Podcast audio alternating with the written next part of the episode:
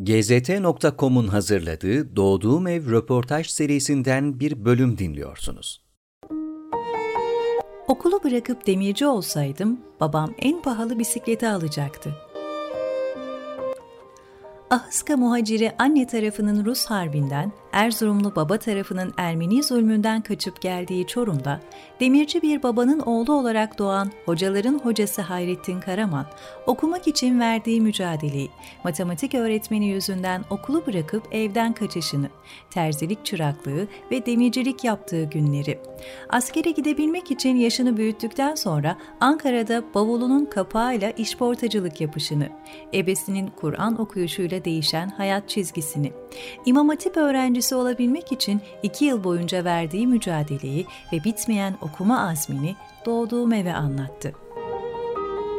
1934 yılında Çorum'da dünyaya geliyorsunuz. Nasıl bir evde doğdunuz?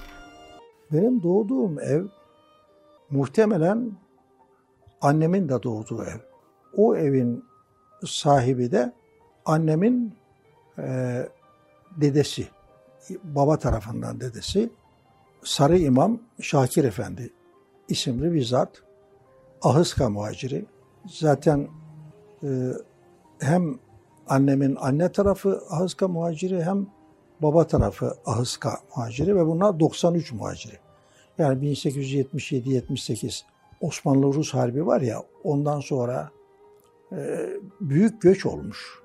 Hem e, Kafkaslardan hem Rumeli ve Balkanlardan göç olmuş. İşte Çorum'a gelmiş, yerleşmişler. Ee, annemin her iki dedesi birbiriyle tanışıyorlar memleketten.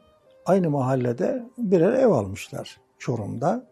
İşte o evde yani baba tarafından olan o evde e, doğmuş annem. Ben de o evde doğdum. Annemin birinci beyi vefat etmiş. Kızılırmak'ta boğulmuş, ölmüş. Ondan iki kızı kalmış. E, ve dul, dört yıl dul olarak kalmış. Babam da, baba tarafımda bu sefer Erzurum muhaciri. Onlarda 915 civarında bu Ermeniler rahatsız edince oradaki Müslümanları ve himayesiz de kalınca Çorum'a göçmüşler. Babam Çorum'da askerlik yapmış. İşte askerliği bitirince de bizim mahalleden de bir yine asker varmış. Annemden bahsetmiş babama. Yani böyle bir dul hanım var. İşte iyi bir ailenin hanımı. Sen de demircisin, demirci ustası. Onların evleri müsait, bahçeleri var. Oraya bir dükkan yaparsın. Hem sanatını icra edersin falan diye. Babamı ikna etmiş. Babam da iç güveyi olarak oraya girmiş. Ayrıca Annemin babası e, nakliyeciydi. İki çift at koşulan iki arabası vardı. Birini kendi kullanıyor, birini aylıkçı derlerdi. Bir e, çalışan kullanıyor. E, Çorum'un komşu illerine, ilçelerine yük taşırdı. Onun içinde mesela 4, 5, 6 at olurdu ki benim için çok önemli. Onları dedem görmeden yavaşça bir tanesini oradan tırtıklardım. Yularını takardım başına binerdim. Arkadaşlarla beraber. Ee, tabii dedem kulağımı çekerdi fark edince ama olsun değer yani o atın üzerinde gidersiniz. İşte öyle bir evde doğdum ben. Babanızın Erzurumlu olmasına ve 1915 olaylarına dair neler biliyorsunuz? Ee, Erzurum'da babam 10-15 yaşında falan e, imiş göçtüklerinde Erzurum'un Oltu kazası var. Orada babanın da babası, onun da adı Rüştü, demirci ve pehlivan. Bir de halk bay, e, baytarı, yani kendi kendine öğrenmiş, kırık, çıkık, bazı hastalıklar, hayvan hastalıkları, işte onları bilen bir insanmış. Osmanlı Rus Harbi'nde biz yenilince doğuda bazı yerler işgal edilmiş Ruslar tarafından. Bu arada ne yazık ki daha evvel komşu köylerinde Ermeniler var. Onlarla iyi, bunlar onlara iyi muamele ediyorlar. Yani iyi geçiniyorlar. Fakat adamlar içten içe Müslümanlara karşı bilenmişler. Kinlenmişler. Belki din adamları, belki kanaat önderleri bunu onlara telkin etmiş. muhtemelen. Bizim orada otoritemiz kalmayınca, işgal olunca Ermeniler dış güçlerden de e, destek alarak Müslümanlara zulmetmeye başlamışlar. E bunların silahı yok, onlara mukabele edecek savaş imkanları da yok. Onlar da çok gaddar. Yani babam rahmetli Rusları met ederdi, Ermenileri karardı. Şundan, Rus'un askeri geliyor. Muntazam asker geliyor. Mesela Erzurum'a doğru gidiyor. Bunun oralardan geçiyor. Rus geliyor. Bizim asker çekilmiş. Heyecanla, korkuyla biz bekliyoruz. Köyün yaşlılarının tecrübesi varmış. Bir tabağın içerisine bir tabağa tuz, bir de ekmek koydular. Bir yaşlı yolun kıyısına çıktı ve bekliyoruz. Bekliyorlar. Önde komutan atın üzerinde, işte arkada belki birkaç atlı var. Sonra yaya Ruslar geliyor.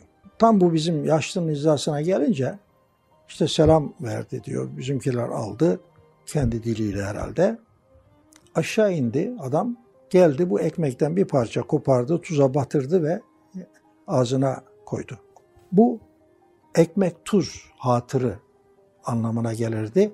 Şimdi Ruslara böyle anlatırdı rahmetli ama Ermeniler için çok kötü şeyler söylerdi. Çünkü onlar da çok kötülük yapmışlar. Aklınıza ne geliyorsa yapmışlar o zaman. Bunlar da artık tutanamayınca 915 civarında Mecitözü ve Çorum'a göçmüşler. Babam orada 10-15 sene yani o, o yaşa kadar yaşadığından epeyce macerası da olmuş. Onlara kış geceleri anlatırdı. Neler anlatırdı? Bizimle paylaşabileceğiniz bir anınız var mı? Bizim çevremiz, akraba çevresi. Sonra ben evlendikten sonra kayınbiraderlerim, küçükler falan. Belki 10 kere dinlemişlerdir. 11. de yine isterlerdi babamdan. O da ola oğlum anlattık işte daha evvel derdi Erzurumlu. Ya Nurettin amca ne olur olsun bir daha anlat, bir daha anlat. Aslında anlatmaktan da hoşlanırdı. Çayı da çok sever. Demlikte ve çaydanlıkta bitinceye kadar içer. Kıtlama içer. Kafada hiç onun tabiriyle tuy kalmamıştı. Şapkayı da çıkarır gece da başı da terler. Güzel de anlatır idi. Bir tanesini anlatayım. Orada bir nasihat da var. Ee, oğlum her arkadaşa güvenme. Güvenilecek arkadaş azdır dedi ve şöyle bir macera anlattı. Bunlar hayvanlarını otlatırlarmış. Arkadaşlarla beraber herkesin bir, birkaç hayvanı var. Otlatmaya çıkmışlar. Bunlar bir oyun, oyuna dalmışlar. Hayvanlar da etrafı ağaçlarla çevrili, içinde ek, ek, ekenek olan, sebze vesaire olan bir bahçeye girmişler. Tabi tahrip ediyorlar yani yiyorlar içiyorlar. O e, bahçenin sahibi de katil bilmem kim diye bilinen bir adammış yani böyle dehşetli bir adam. Adam görünce eline beli almış bağıra bağıra geliyor. Hayvanları hem çıkaracak hem de bunları dövecek. Demişler ki bunlar aralarında babamın adı Nurettin. Nurettin demişler sen adamı karşıla. Biz hemen etrafını çevirelim. Böylece biz onu hallederiz bu kadar kişiyiz yani. Sonra kaçarız. Peki demiş babam. Bunlar bahçenin içine girmişler hayvanları çıkarmak için ama öyle kolay değil ki. Bir hayvan geçecek kadar yer var diyor. Adam yetişti. Ben diyor beli kaldırdı böyle vuruyor. Ben karşıladım diyor. Beli tuttum. İşte bir itekliyoruz. O, bu 10-15 yaşında. Öteki adam kocaman. O beni ben onu.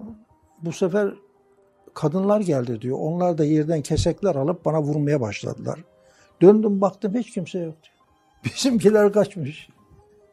Hiç kimse yok. Ee, onun üzerine işte tam bir hesabına dek getirmiş. Böyle itiyorlar ya. Adam bunu çekerken mi ne bir bırakıvermiş. Bırakınca adam oturmuş geriye. Bu oradan kaçmış. Kaçmış kurtulmuş. Adam bunun peşine düşmemiş. Bu mert bir çocuk diye. Ötekilerin peşine düşmüş. Onları yakalamış ve dövmüş. Ona bana dedi ki oğlum arkadaşın olsun ama her arkadaşa güven, her arkadaşım diyene güvenme. Güvenilecek arkadaş azdır. Böyle demişti. Babanızın zor bir mesleği var ve siz okuma taraftarısınız çocukluğunuzdan beri. Okuma talebiniz onlar için ne ifade ediyordu? Kendileri okumamış. e, onların yaşadığı devri anlatıyorum. Savaş içinde babaları asker diyelim, işte amcaları asker, evde kalmışlar, muhacir olmuşlar, gelmiş Mecitözü'nde e, geçinecekler. Baba demircilik yapıyor, benim babam da ona çıraklık yapmış, kalfalık yapmış. Okuma imkanı yok. Babam askerde öğrenmiş okumayı. Annem hiç okumayı öğrenmeden vefat etti. Yani Kur'an-ı Kerim okumayı bilirler der işte. Onu da sonradan öğrendiler. Ee, onlar yani kendileri okumuş da hani mesela biz okuduk onun için çocuklarımızı yönlendirdik. Böyle bir şey yok.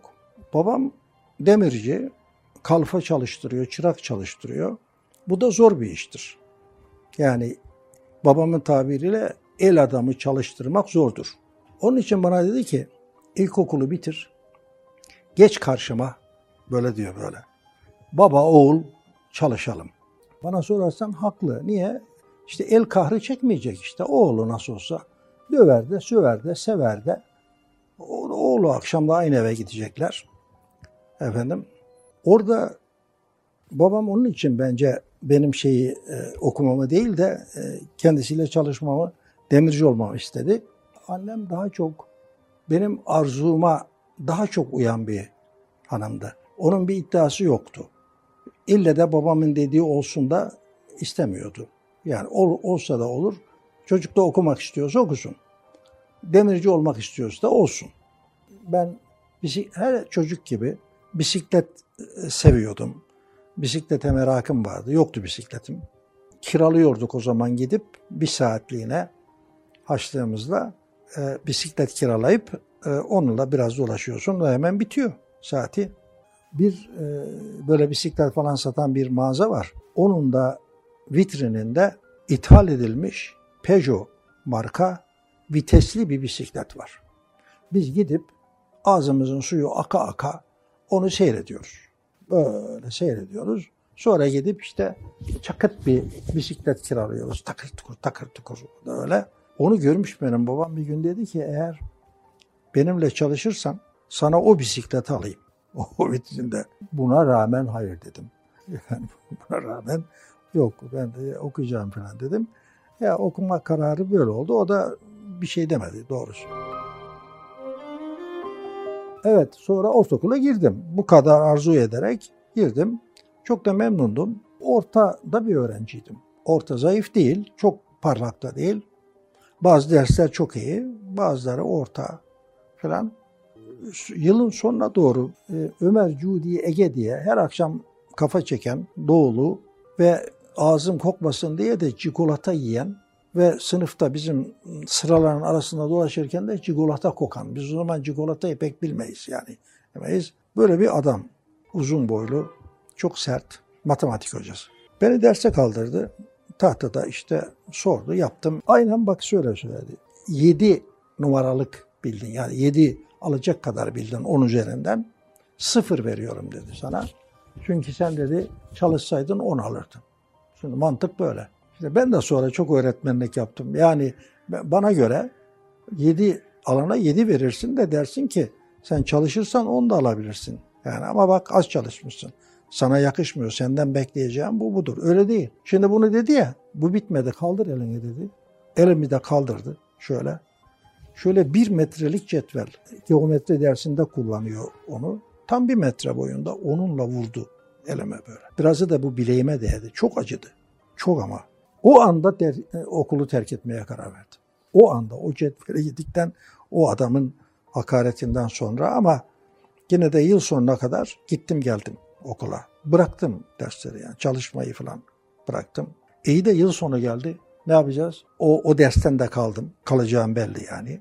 Böyle bir hadise üzerine o kadar merakla gittiğim halde okulu bıraktım ve e, babama anneme de bunu söyleyemeyeceğim için bir gece bir otobüs bileti alıp Kırıkkale'ye kaçtım. Kırıkkale'de akrabamız var. Onların yanına gittim. Okulu bıraktığınız gibi evi de terk etmişsiniz. Sonra nasıl döndünüz? Firar tecrübem az olduğu için bir kere otobüse adımı yazdırmışım. Orada hata var. İkincisi de gittiğim yer zaten akraba. Onlar ertesi gün hemen durumu anladıkları için Çorum'a bildirmişler. Ee, babam geldi. Orada beni yakaladı demeyeceğim.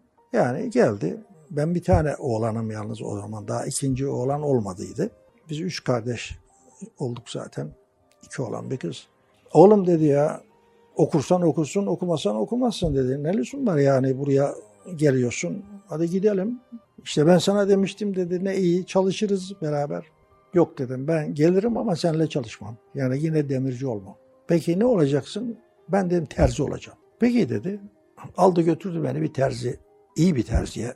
Dedi ki ben sizden bir şey beklemiyorum. Buna da ben size isterseniz para vereyim. Buna öğretin dedi.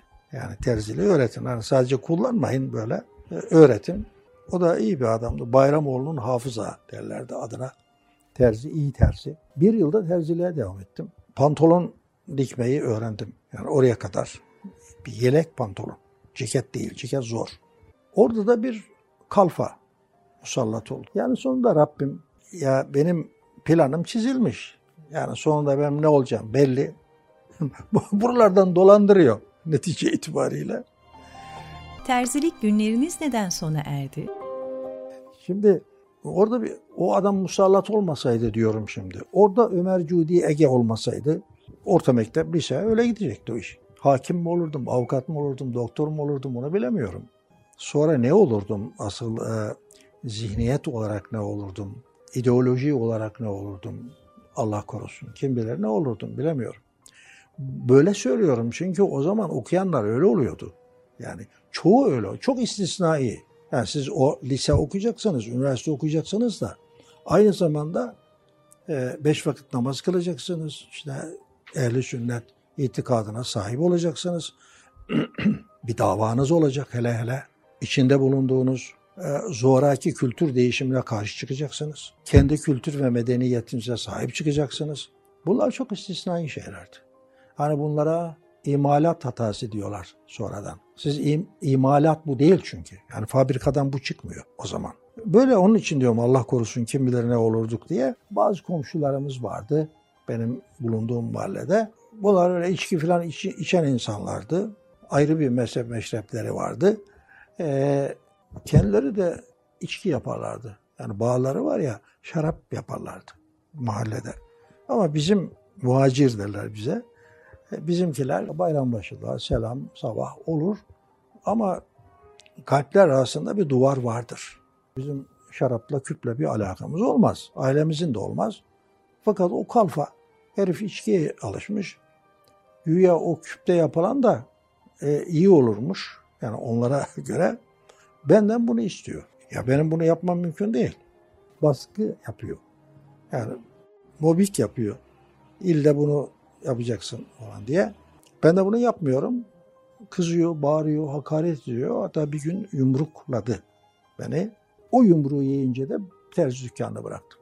Oradan çıktım, geldim. Baba ben seninle çalışacağım dedim. Bir yılda babamın karşısında dem- demircilik yaptım ama çaresizlik. Orada sonraki planım artık demirci olmak değil. Başka bir plan yaptım kendime göre. Gideyim yaşımı büyüteyim. Askere gideyim gönüllü jandarma olarak. Oluyordu yani o zaman. Ya askerde kalırım ya da ondan oradan döndükten sonra ticaret yaparım. Bir şey yaparım diye bir plan yaptım. GZT.com'un hazırladığı Doğduğum Ev röportaj serisinden bir bölüm dinliyorsunuz. Yeni bölümlere herkesten önce erişebilmek için GZT uygulamasını iOS ve Android marketlerden indirebilirsiniz. Askere gitmeye karar veriyorsunuz ama tekrar firar ediyorsunuz değil mi? Bir, se- bir seneye ihtiyacım var. Bir yıl büyütsem de yine bir yıla ihtiyacım var. Neyse bu bir yıl babamla çalışayım artık dedim. Demirci. Vur küt çekişle e, hem körük çekiyorum hem çekiş vuruyorum babamın karşısında.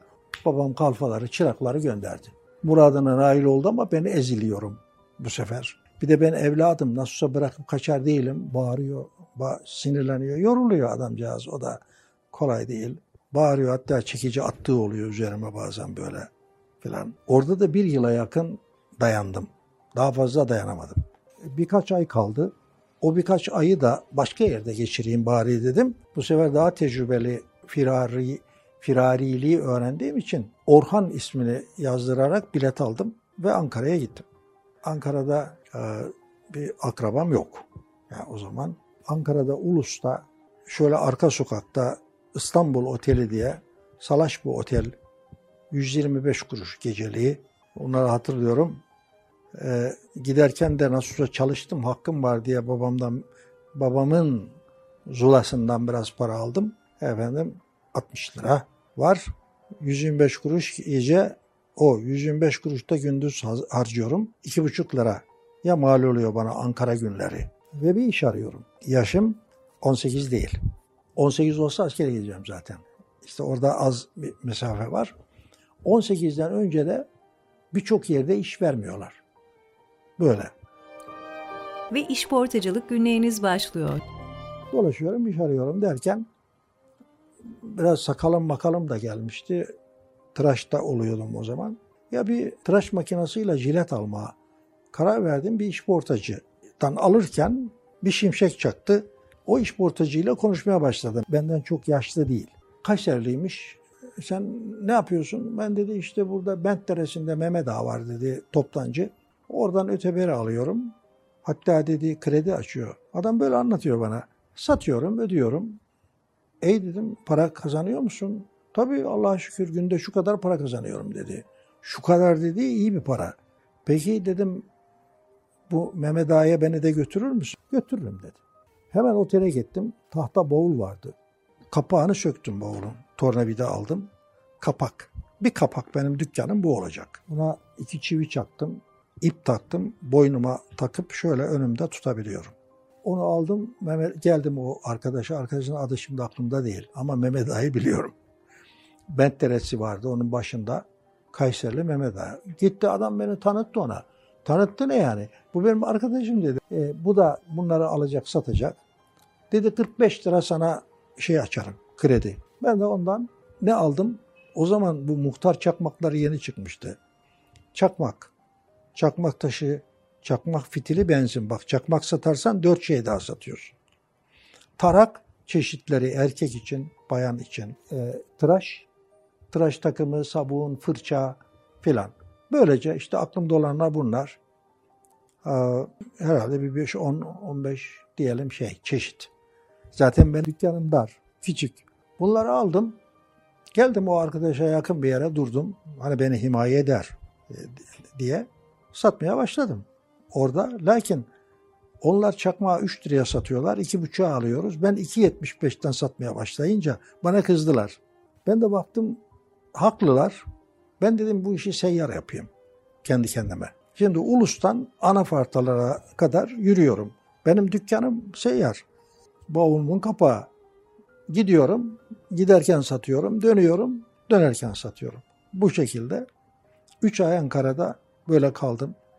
Para da kazandım biraz ama bu arada şeyde yaklaştı. Yani 18'i tamamlama ve bu arada bir tane de hemşeriye yakalandım. Ve bu hemşerim beni çok aradıklarını, anamın babamın, anamın hastalandığını bu yüzden söyleyince ağladım. Dayanamadım o zaman. Hemen dönmeye karar verdim bu sefer. Gittim boşalttım. Yani kalanları da sattım attım herhalde onu hatırlamıyorum. Netice itibariyle bavulumun kapağını tekrar yerine monte ettim. Çorum'a geldim. Artık onlara da söyledim. Ben e, askere gideceğim. O zamana kadar da bana müsaade edin ben gezeyim tezeyim falan dedim. O da bitmiş işte bu macera bu söylediğim yerde bitmiş. Kader planında artık değişimin zamanı gelmiş. Bu değişim Kur'an-ı Kerim'le oluyor sanırım. Annemin annesi evde en sofu hanım ebe diyorduk biz onlara. İşte ebemin o Kur'an'ına e, kalbim takıldı. E, büyük yani müthiş bir şey oldu. Ondan evvel Kur'an dinlemedim mi? Dinledim. Yani daha güzel hafızlardan da Kur'an dinlemişimdir. Çünkü Ramazanlarda sof oluyorduk arkadaşlarla beraber. E, gidiyorduk. Güle söyleye teravih kılıyorduk. İşte gündüz biraz vakit geçsin de oruç e, fark edilmesin diye yani oruca dayanalım diye e, mukabele dinlediğimizde oluyordu. İşte o gün ne olduysa oldu. Yani o ebemin Kur'an'ı böyle arkamdan sanki bir şey böyle sapladı beni geri çekti. Gittim başına e, ben de okuyacağım dedim. İnanamadı. Önce şöyle baktı gözlüğünün üstünden. Sonra inanınca ağladı. Git bir abdest al gel dedi. Bir de elif bağ bulalım dedi. Elif bağ olmaz dedim. Senin şu okuduğun Musaf'tan olacaktım. Buradan başlayacağız. Buradan okuyacağım dedim. Olmaz demedi. Allah'tan harfleri biliyordum. Sadece harfleri biliyordum. O gün Kul euzu bi rabbin nas'tan başladık. O öyle tarif ede de yani bir satır okuttu. Ve kaderim o gün değişti. O günden bugüne geldik. Hala okuyorum. Hala Kul euzu bi rabbin nas'ı okuyorum Allah'a şükür. Bu durumda planlarınız da değişti. İmam Hatip öğrencisi oluncaya kadar hangi yollardan geçtiniz? Tabii şimdi bütün plan bozuldu. Ben askere gidecektim ya. E, bir hafta 10 gün 15 günü galiba ebemle okudum. Söktüme derler. Söktüm yani okuyabiliyorum. Biraz zorlayarak okuyorum. Ama ebem dedi ki Ekim akıllı hanım benim dedi tecvidim eksik olabilir. Yani ben sana yanlış öğretirsem onu düzeltmek zor olur. Ee, Kur'an kursuna gönderelim seni falan dedi. Artık ben kıştı da galiba hemen mes lastik aldım. Beş vakit namaza başladım. Efendim e, iş tamamen değişti. Arkadaşlarımı terk ettim. Gece arkadaşlarımı sinemaya falan gittiğimiz hepsini. Yani bütün hayatım değişti. Enteresan bir şey yani. O zevklerim kalmadı. Bir tek zevk şu Kur'an-ı Kerim'i okuyayım. Okuyayım. Sonra Kur'an kursuna gittim. İşte orada işte ilerlettim işte tecvid falan. Daha rahat okuyorum. Kur'an kursunun hocası kalfalar dinler ya benim gibi çömezleri. O kendi beni dinlemeyi tercih ediyordu. Onun da sebebi var da ya ben o kadar maceradan geçmiş bir adamım. Bir terslik yaparlarsa diye. O beni kendi dinliyor. Bir ya da bu Allah'tan yani diyorum sonuçta. Dinliyor çünkü kalfa Kur'an-ı Kerim'i okur, güzel okur, hafızdır da şeyi bilmez, manasını bilmez. Hoca alim. Hocam dinlerken bak Hayrettin diyor bana. Burada Allah Teala ne diyor? Diye onu tercüme ediyor ve açıklıyor. Bunu birkaç kere yapınca Allah Allah dedim ya ben okuyorum anlamıyorum. Halbuki Türkçe'de ben bir şey okuyorum anlıyorum. Allah Allah. Bu nasıl bir şey ki? Ben bunu okuyorum ama anlamıyorum. Soru bu. Bunu sordum hocama. Aa dedi o ayrı bir şey. Okumak kolay dedi ama anlamak zor. Olsun. Ben bunu anlamak istiyorum hocam dedim ya. Siz bana anlatınca çok zevk aldım. Ee, yani bunun asıl tadı oradaymış ve ben bunu anlamak istiyorum deyince o dedi, o oho dedi. Aynen böyle. Oho filan dedi. İşte bu oho benim çok işime yarar hayatım boyunca. Siz bana oho derseniz ben oho'nun peşine düşerim. Böyle bir şey. Oho mu hocam? Niye deyince dedi bu arabiyat okumak lazım. O neyse o arabiyat e, onu okuyayım dedim hocam. Bana onu okudun. Ben dedi memurum okutamam yasak. E kim okutur? Ahıska, Ahıska muhaciri Server Efendi var bakkallık yapıyor dedi. Müderris Ahıska'da 1937'de komünistler öldürmeye karar vermişler. Kaçmış. Kaçabilmiş bir hoca. Hoca Çorum'a gelmiş bakkallık yapıyor. Yani benim okuduğum zamanlarda hocaların şeyi bu. Yani hoca hadi bu kelimeyi kullanayım itibarı bu. Yani hoca bakkallık yapıyor. Halbuki müderris adam. Peki ona gittik. Ne gördüm biliyor musunuz? Benim e, anamın şu Zahide ebem var ya bana Kur'an okutan. Onun babası Rüştü Efendi var ya. O Rüştü Efendi'nin talebesinden okumuş. Bu Server Efendi. Şu dedeye bak dede. Dedenin talebesinin talebesi ne Çorum'da buluyorum ben. Ne cilveleri var. Değil mi? Ondan sonra e, ona gittik. Allah razı olsun. O tamam oku, okuyalım da dedi. E, o da 4-5 tane talebesi var. Hepsi yaşlı yaşlı adamlar. Biz işte bunlarla dedi unuttum şimdi bir yere kadar geldik dedi. Sen buradan başlayamazsın. Molla Yahya var dedi. O biraz sarf bilir. Ya bu Arapça gramerinde bir sarf nahiv kısmı var. O sarf bilir. Sen Molla Yahya'ya git, selam söyle. O sana sarfı okutsun. O zamana kadar biz bunu bitirir, başa döneriz. Tekrarlıyorlarmış. Sen de gelir oradan katılırsın dedi. Molla Yahya'ya gittim. Molla Yahya bir emsile bul getir dedi. Çorum'da üç gün emsile aradık. Bulamadık. Bulamadık. Emsile kitabını bulamadık. Çorum'da emsile neyse onu da yeni harflerle yazdım. Emsile diye. Arıyoruz arıyoruz bulamadık. Neyse o Molla Yahya'nın kendi kitabı bana okutuyor veriyor eve getiriyorum evde çalışıyorum tekrar getiriyorum filan. Sonra bir babamın manifaturacı ahbabı İstanbul'a gidip geliyor. Ona sipariş ettik. Neyse Allah razı olsun oradan İstanbul'dan satın aldı geldi. Bir sardı, bir sardı. Nasıl okuyorum, nasıl seviniyorum. Ee, başka hiçbir şey düşünmüyorum. Neredeyse bir kaçakçının peşinden yurt dışına gidecekmişsiniz okumak için. Doğru mu bu? Askerlik geldi. Yani askerlik yaklaştı. Şimdi artık gönüllü gitmeyeceğim. O 18'de gönüllü gitmeyeceğim ama askerlik yaklaştı. Ve eğer ben askere gidersem de ya hevesim biter mi onu bilmiyorum ama iki yıl askerlik. Sonra geleceğim, koca adam olmuşum, hayat lazım vesaire. Bu aksayacak yani. Bir de çok seviyorum, bırakmak istemiyorum. Ve askerlik ara verdirecek bana diye çare aramaya başladım. Ne yapayım? Ben de çare çok. Oturup hemen ya dedi ben Arabistan'a gideyim. Çünkü onu da nereden biliyorum? Kur'an hocam, Kur'an-ı Kerim hocam vardı ya, onun bir talebesi Mısır'a gitmiş. Kahire'de okuyor. Hocam ziyarete gelmiş. Hocam bana Kur'an-ı Kerim okuturken oraya geldi. Orada onu tanıdım. Ha Mısır, Kahire, El Eser diye bir yer var. Bu orada orada Arapça okuyor filan. Bu dikkatimi çekti. Onu dinlemiştim. Ya ben de gideyim dedim oraya o zaman öyleyse. Bitince gelirim. Nasılsa o zaman askerliğimi yaparım dedim. Orada teşebbüs ettim. Bir kaçakçı bulduk. Beni Suriye'ye götürecek. Suriye'den de Kahire'ye gideceğim. O kaçakçı dedi ki Suriye'de Türk talebeler var. Ben onlarla bir konuşayım. Seni oradan Kahire'ye gönderebilirler mi? Onu bir öğreneyim. Bu defa gitmeyelim beraber. Ben dedi her ay gidiyorum. Bir ay sonra gideriz. O geçişte vurdular adamı. O kaçakçıyı. Yani ben de gidecektim onunla beraber. O orada vurulunca aile korktu. Böyle bir çaresizlik içine düştüğüm anda İmam Hatip okullarının açılışı ilan edildi. İmam Hatipler açılıyor ancak sizin İmam Hatipli olmanız pek kolay olmuyor. Nasıl bir mücadele verdiniz? Demek ki 1951.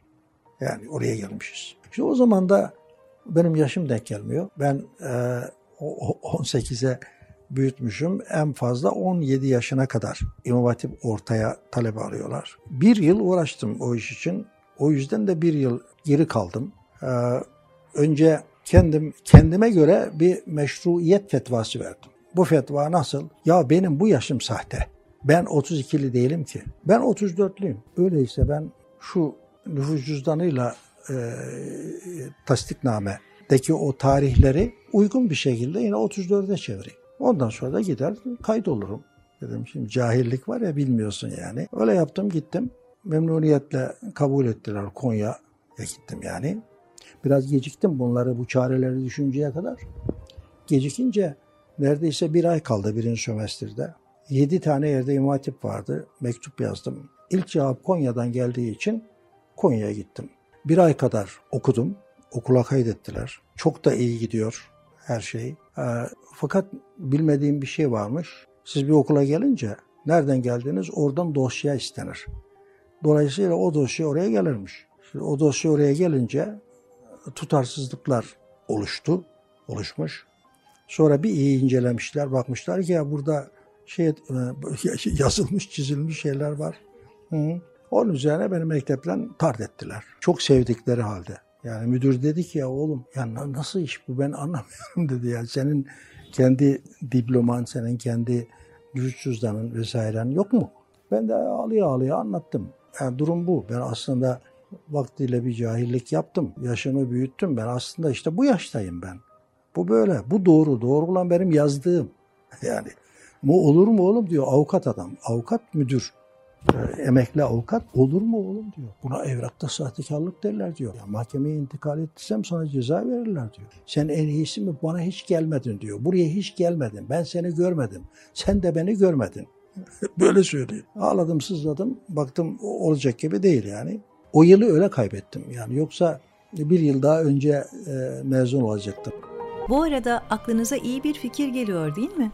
Geldi tabii. O ama ben bu arada hep okuyorum onu söyleyeyim. Yani dışarıdan gider gitmez Konya'ya hoca buldum. Ee, Çorum'da nerede kaldım? Oradan devam ediyorum. Önce otelde kalıyordum. Orada pahalı oluyor. Sonra yurda girdim. Paralı yurt o zaman. Nerede şimdiki gibi böyle bedava yurtlar, burslar falan hiçbir şey yok o tarihte. Burada hem okudum hem de e, yeni baştan e, Yeni baştan nüfus cüzdanı ve o nüfus cüzdanına göre de tekrar ilkokuldan imtihana girerek diploma aldım. Şimdi iş tamamen temizlendi. Yani ben yeniden doğmuş gibi bir adamım. Diplomam da var. Taze taze almışım. Dışarıdan girerek almışım. E, nüfus cüzdanım da var. İşte onunla gittim. E, ikinci yıl. ikinci yıl gittim yani şöyle 1935 şeklinde kaydetmiştik. Bu sefer de 17'ye girmiş oluyorum. Dediler ki bu yıl 17'yi almıyoruz.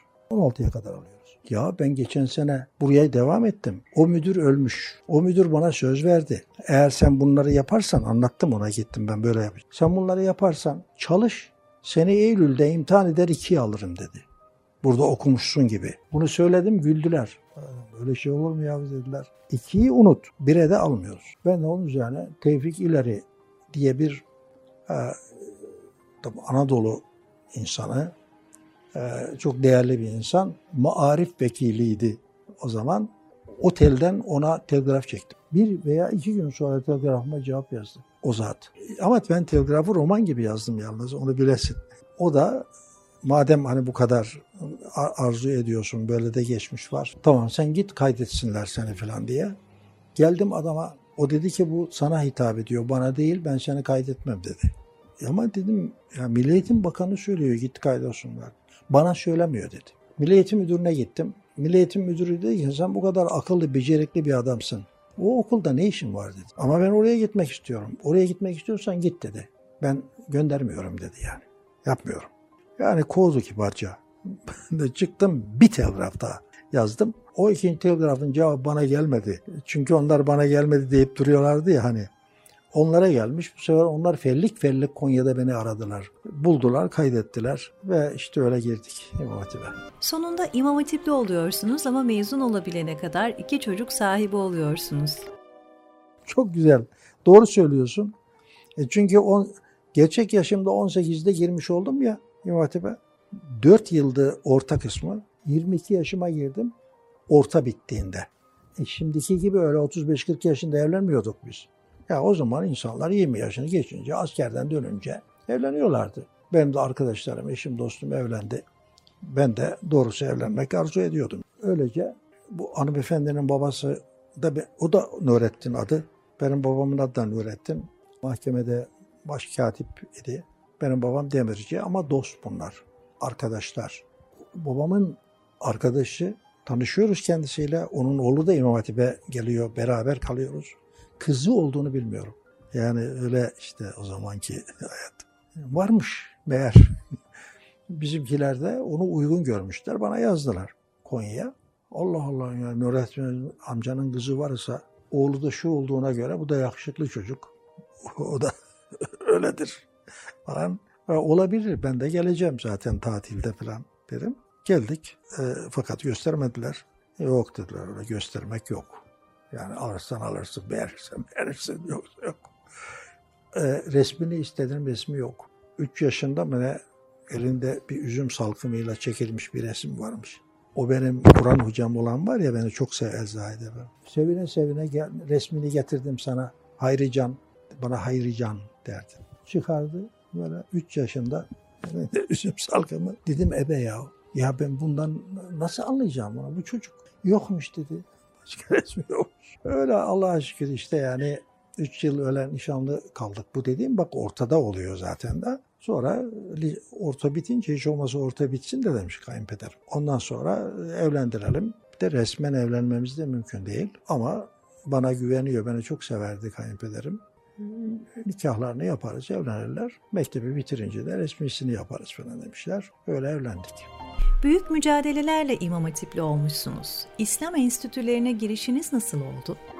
7 yıllık İmam Hatip okullarını açtılar. Demokrat Parti dediğimiz parti ikilemli bir partiydi. Onun e, başında Celal Bayar vardı, masondu. Bakanların bir kısmı masondu. Mesela Tevfik İleri mason değildi, Müslümandı. Menderes mason değildi, inançlıydı filan. Böyle bir karma iktidar var. Ve aralarında da mücadele var. Yani iktidarda kalma ne kadarına muhtaç ise tavizin ondan bir gram fazlasını vermek istemeyen bir taraf var. Bir de Menderes gibi, Tevfikileri gibi yahu çok sık sıkıldı. Yani bu, bu kadar sıkılmamalıydı bu iş. Baskı olmamalıydı. Tamam yani şeriatla yönetim olmasın ama halk biraz daha rahatlasın. İşte yani Kur'an okuma olsun, mektepler olsun, bu çocuklar da okusun vesaire gibi. İşte ezan hani asılına dönsün, haç serbest bırakılsın filan gibi yani böyle. Onlar buna zorluyorlar, öbürleri olsun olmasın. Hatip mekteplerini şöyle dizayn etmişlerdi. 4 yıl orta, 3 yıl lise, orta lise yok. Birinci kısım, ikinci kısım. Bu kelimeleri kullanmıyorlardı. İkinci kısımda mezun olana diploma verelim, imam olsunlar, mezun olsunlar. Bitti bu kadar. E be okumak isterlerse yok. Bunlar lise mezunu değil. Yahu Ankara'da ilahiyat var. Hiç olmasa orada okusunlar olmaz. Orası da fakültede oraya lise mezunu girer. Lise mezunu girer. İmam mezunu giremez. Böyleydi durum. Biz mezun olduğumuzda ben ikinci yıl mezun oldum demin dedim ya yani. Birinci yıl mezunlu arkadaşlarımız o zaman da e, yedek subay hakkı vardı bu 7 yıl e, orta öğretimi bitirenlere. Ona da biraz heveslenerek birçoğu askere gitti. Kalanlarla birlikte biz zorladık. Veliler, işte o zamanki basın yayında biraz bizim camiayı tutan, işte Sebilür Reşat gibi filan öyle dergiler onları ve iktidarın müspet kanadı e, onların sayesinde bizi üniversiteye almadılar ama Yüksek İslam Enstitüsü'nü açmaya karar verdiler ve İstanbul'da 1959 yılında Draman'da Çarşamba İstanbul İmam Hatip Okulu'nun bulunduğu yerde İmam Hatip Okulu vardı. Koca İstanbul'da Yüksek İslam Enstitüsü için bir bina bulunmaz mı? Bir bina bulunmaz mı Allah aşkına?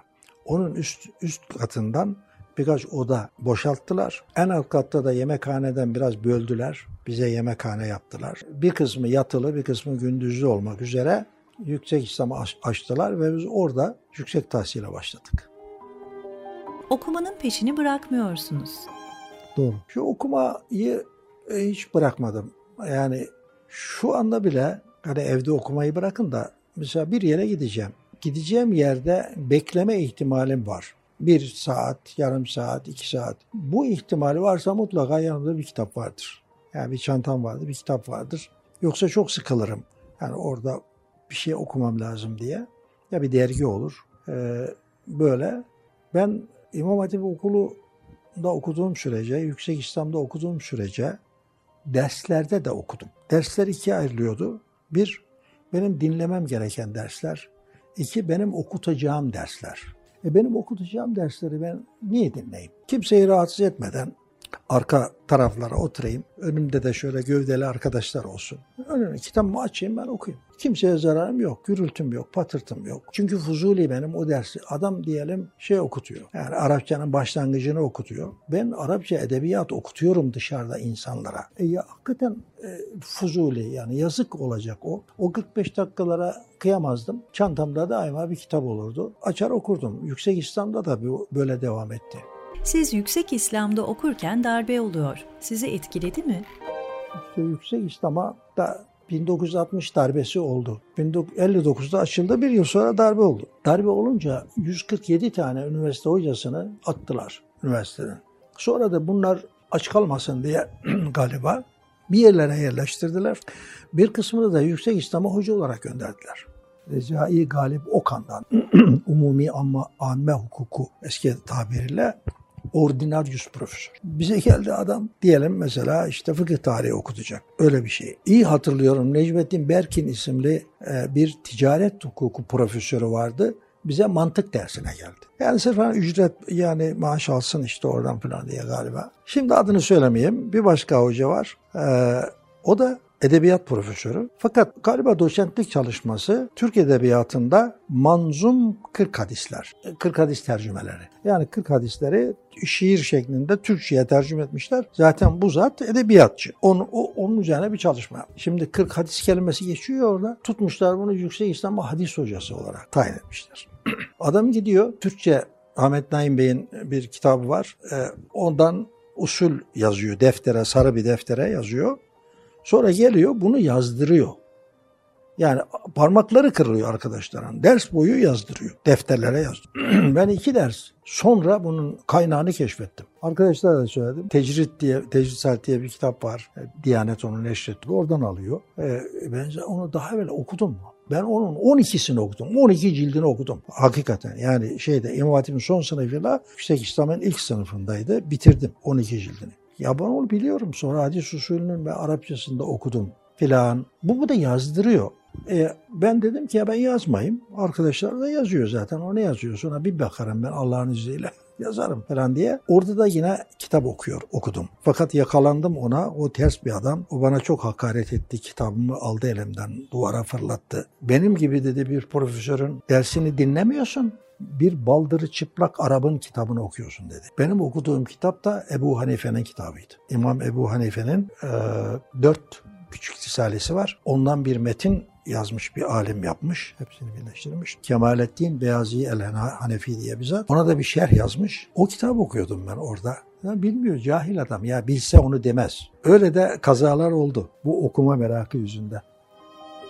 İmamlık, vaizlik, öğretmenlik yaptığınız günlerden İslam hukuku profesörü oluşunuza kadar geçen süreç nasıl gelişti? Konya İmam Hatip'te okurken imamlık yaptım. Ee, Yüksek İslam'ın ilk iki senesini yatılı okudum.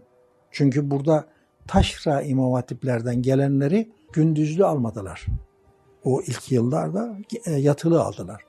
Yatılı olunca da e, ben çoluk çocuğumu ve eşimi babama bıraktım Çorum'a. E, yatılı iki yıl öyle okudum. Son iki yılda son iki yılda Kadıköy merkez vaizi oldum. İmam değil de vaiz oldum. Son iki yılda çoluk çocuğumu da getirdim İstanbul'a. Da vaiz olarak son iki yıl okudum. Mezun olduk. Mezun olunca İstanbul İmam Hatip Okulu'na öğretmen oldum. İki yıl orada öğretmenlik yaptım. Arapça, fıkıh ve tefsir, Arapça, fıkıh ve hadis derslerine girdim daha çok orada ve bunların da kitaplarını yazdım o iki yıl içerisinde. Arapça kitaplarını merhum arkadaşım Bekir Topaloğlu ile beraber yazdık. Bir Arapça sarf nahiv, bir Arapça okuma ve eski metinler kitabı, bir Arapça Türkçe lugat. Ee, bunları yaptık. Ee, bir hadis usulü kitabı yazdım. Bir fıkıh usulü kitabı yazdım. Bir de üç demet 40 hadis kitabı yazdım. Yani 120 hadis e, seçtim. Onlar da onları işledim çocuklara ders kitabı haline getirdim. Onları yazdım. Bu iki sene içerisinde bunları yaptım. Yani hem dersi okuttum hem bunları yaptım. O iki yıldan sonra Yüksek İslam'a 12 kadro gönderdiler. Asistan kadrosu. imtihan açtılar. O imtihana girebilmek için iki yıl öğretmenlik yapma şartı vardı. Biz de onu yapmış olduk. Sonra Allah nasip etti. Ben fıkıh asistanı oldum. Bekir Bey kelam asistanı oldu. Bir yıl sonra Yaşar Kandemir Bey hadis asistanı oldu. Ee, işte arkadaşlarımız Tayyar yani Altıkulaç e, tefsir asistanı oldu. Bu sefer Yüksek İslam'da beraber olduk dava arkadaşlarımızla. Artık bizim bir davamız da vardı. Bu davaya göre bir kadromuz da vardı. Ve bizim bir plan çalışma plan programımız da vardı. O çerçevede orada çalışmaya başladık. Yüksek İslam hocası olduğumuzda yani asistanlık bittiğinde hala Yüksek İslam'dı orası. Çünkü asistanlık ne zaman bitti ben size söyleyeyim. 65'te biz asistan olduk. Halbuki 1982'de e, Yüksek İslam şey Yüksek İslam şey oldu. Fakülte oldu. Yani arada biz 10 yıldan fazla Yüksek İslam'da e, öğretim üyesi deniyordu unvanımıza. Yüksek İslam'da öğretim üyesi olarak çalıştık. Hatta ben İzmir'de, İzmir'e tayin edildim. 5 yıl orada hocalık yaptım. 70-75 e, arasında. Orada damadımı okuttum. Damadım olan genci okutmuş oldum. Mezun olunca da kızımı verdim ona. E, Uludağ'da rektör olan Ahmet Saim Kılavuz. Orada öğrencim oldu ve sonra damadım oldu. Sonra İstanbul'a geldim. İstanbul'da çalışmaya devam ettik. 82'de üniversite oldu. Üniversite olunca biz yeni baştan şimdi talebeliğe soyunduk biliyor musun? Yani 10-12 sene kodaman kodaman yüksek okul hocası olmuşuz. Bir sürü talebemiz olmuş falan. Bize dediler ki siz eğer bu üniversitelerde de hoca olarak çalışmak istiyorsanız, istiyorsanız çalışacaksınız, dil imtihanı vereceksiniz, tez hazırlayacaksınız, doktora, sonra yardımcı doçent, sonra doçent. Bunları olursanız burada kalırsınız. Yoksa size öğretim görevlisi diye bir kadro veririz. Orada çalışırken oraya bir öğretim üyesi geldiğinde sizin işiniz biter. Yani dediler. Biz de işimiz bitmesin dedik. Öğrenmenin yaşı yoktur dedik. Besmele'yi çektik. Yeni baştan doktora yaptık. Yardım doçentlik yaptık. Onların hep çalışmalarını yaptık. Kocaman kocaman adamlar gittik Ankara'da dil imtihanına girdik. Arapçada sözlü imtihanına girdiğimizde bizi imtihan eden insanlar bizim abilerimiz ve dostlarımız, arkadaşlarımız. Ya kusura bakmayın falan diyorlar. Ya Arapça konuşuyoruz orada karşılıklı. İşte imtihan öyle oluyor yani. Daha hoş bir şey var. Yardımcı doçentlik imtihanında jüri üyelerinden biri benim öğrencimdi mesela. Böyle hoş güzel şeyler oldu. Sonra elhamdülillah işte profesör de olduk. Ondan sonra emekli de olduk. İmam Hatip, Yüksek İslam ve İlahiyat Fakülteleri süreçlerinin hep ilklerine şahit olmuşsunuz. Bildiğim kadarıyla çocuklarınıza ve torunlarınıza da bir vasiyetiniz var. İmam Hatip'e sevk ediyorum ee, ve diyorum ki o İmam Hatip'i yani orta lise olarak İmam Hatip'i okumanızı şart koşuyorum. Ondan sonra bir şartım var. Eğer ilahiyata gitmeyecekseniz herhangi bir başka branş okuyacaksanız onun da hocası olmanızı istiyorum diyorum ve onlar da oluyor. Allah yani lütfediyor. GZT.com'un hazırladığı Doğduğum Ev röportajını dinlediniz. Bu röportajı izlemek ve diğer bölümlere erişmek için gzt.com uygulamasını indirin.